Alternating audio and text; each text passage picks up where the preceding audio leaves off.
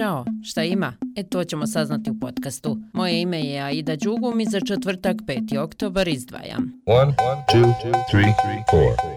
Treći samit Evropske političke zajednice okupit će u španskom gradu Granadi lidere 47 evropskih zemalja. Pored članica Evropske unije, na samitu će učestvovati između ostalih i lideri Zapadnog Balkana, pa tako i Bosne i Hercegovine, te Ukrajine, Moldavije, Gruzije, Turske, Jermenije i Azerbejdžana. Kako Evropu učiniti otpornijom, naprednijom i geostrateški važnijom tema je samita, a predsjednik Evropskog vijeća Charles Michel izjavio je je novinarima u Briselu, a prenose agencije da će proširenje Evropske unije biti među glavnim temama samita Evropske političke zajednice, kao i neformalnog samita Evropske unije dan kasnije. Prema pisanju Financial Times, proširenje Evropske unije na devet novih zemalja, uključujući Ukrajinu i zemlje Zapadnog Balkana, koštalo bi trenutno članice više od 256 milijardi eura počinje i dvodnevni sastanak ministara vanjskih poslova Berlinskog procesa, učestvuje i komesar Evropske unije za proširenje Oliver Varhelji. Od dnevnih događaja još ima ministar komunikacije i prometa BiH Edin Forto i direktori Agencije za identifikacione dokumente BiH, i Agencije za bankarstvo Federacije Bosne i Hercegovine Almir Badnjević i Jasmin Mahmuzić, javnost će izvijestiti o primjeni propisa u vezi spriječavanja pranja novca i finansiranja terorističkih organizacija. Još da dodam, ako koga zanima, ministar financija BiH Srđan Amidžić u Beogradu će razgovarati sa svojim srbijanskim kolegom Sinišom Alim. Zasjeda i Dom naroda parlamenta Federacije BiH. Na dnevnom redu nalazi se prijedlog zakona o ujednačavanju penzija ostvarenih po zakonu o službi oružanim snagama BiH. I to po hitnom postupku. A delegati će između ostalo govoriti o prijedlogu strategije razvoja turizma od 2022. do 2027.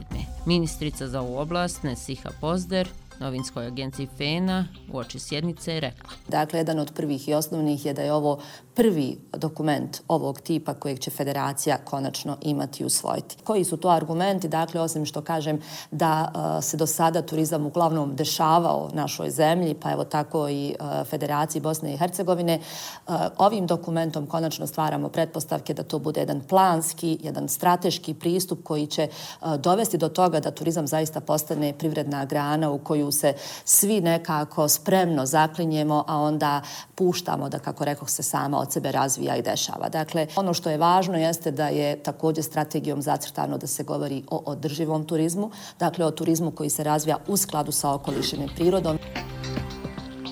Danas je Svjetski dan učitelja, a u nekoliko gradova u BiH bit će održana svečana akademija. Koliko je važan taj poziv i u kakvim uslovima učitelji i nastavnici rade, govori Sanela Polutak, učiteljica Sarajevske osnovne škole Aleksa Šantić. Svako od nas ima nekog učitelja, nastavnicu, profesora, koji su vrijedni sjećanja i našeg poštovanja. Nekada riječ učiteljica, nastavnica, profesor izgovarali su se sa velikim poštovanjem. U našem društvu učitelji su sve manje i manje cijenjeni. Razlog tome možda leži u smjeni generacija gdje je došlo do promjena na relaciji učitelj-roditelj. Danas je sve više situacija kada su učitelji krivi za sve. Kako za loše ocjene, tako i za neprimjereno ponašanje. Ako djeca nemaju dobre ocjene, krivi su učitelji, jer ih nisu dobro naučili ili previše traže. Ako se djeca ne ponašaju prihvatljivo, opet je kriv učitelj jer ne zna održati disciplinu ili nema autoritet. Stvorio se neki začarani krug, a u tom krugu ništa nije na svom mjestu i nije onako kakvo bi trebalo biti. Danas bi Švedska akademija trebala objaviti dobitnika Nobelove nagrade za književnost. Švedska akademija često je stavljala naglasak na malo poznate autore, iako je nagrada prošle godine pripala francuskoj feminističkoj ikoni Ani Erno. Ona je tek 17. žena koja je dobila tu nagradu od 1901. godine. I eto za kraj još jedna informacija. Od danas pa do 5. oktobra održava se treći modni festival European Fashion Passport. Festival će ove godine okupiti 18 dizajnera iz 12 zemalja. ostalo je da vam poželim ugodan dan. Čujemo se nekom drugom prilikom. Ćao!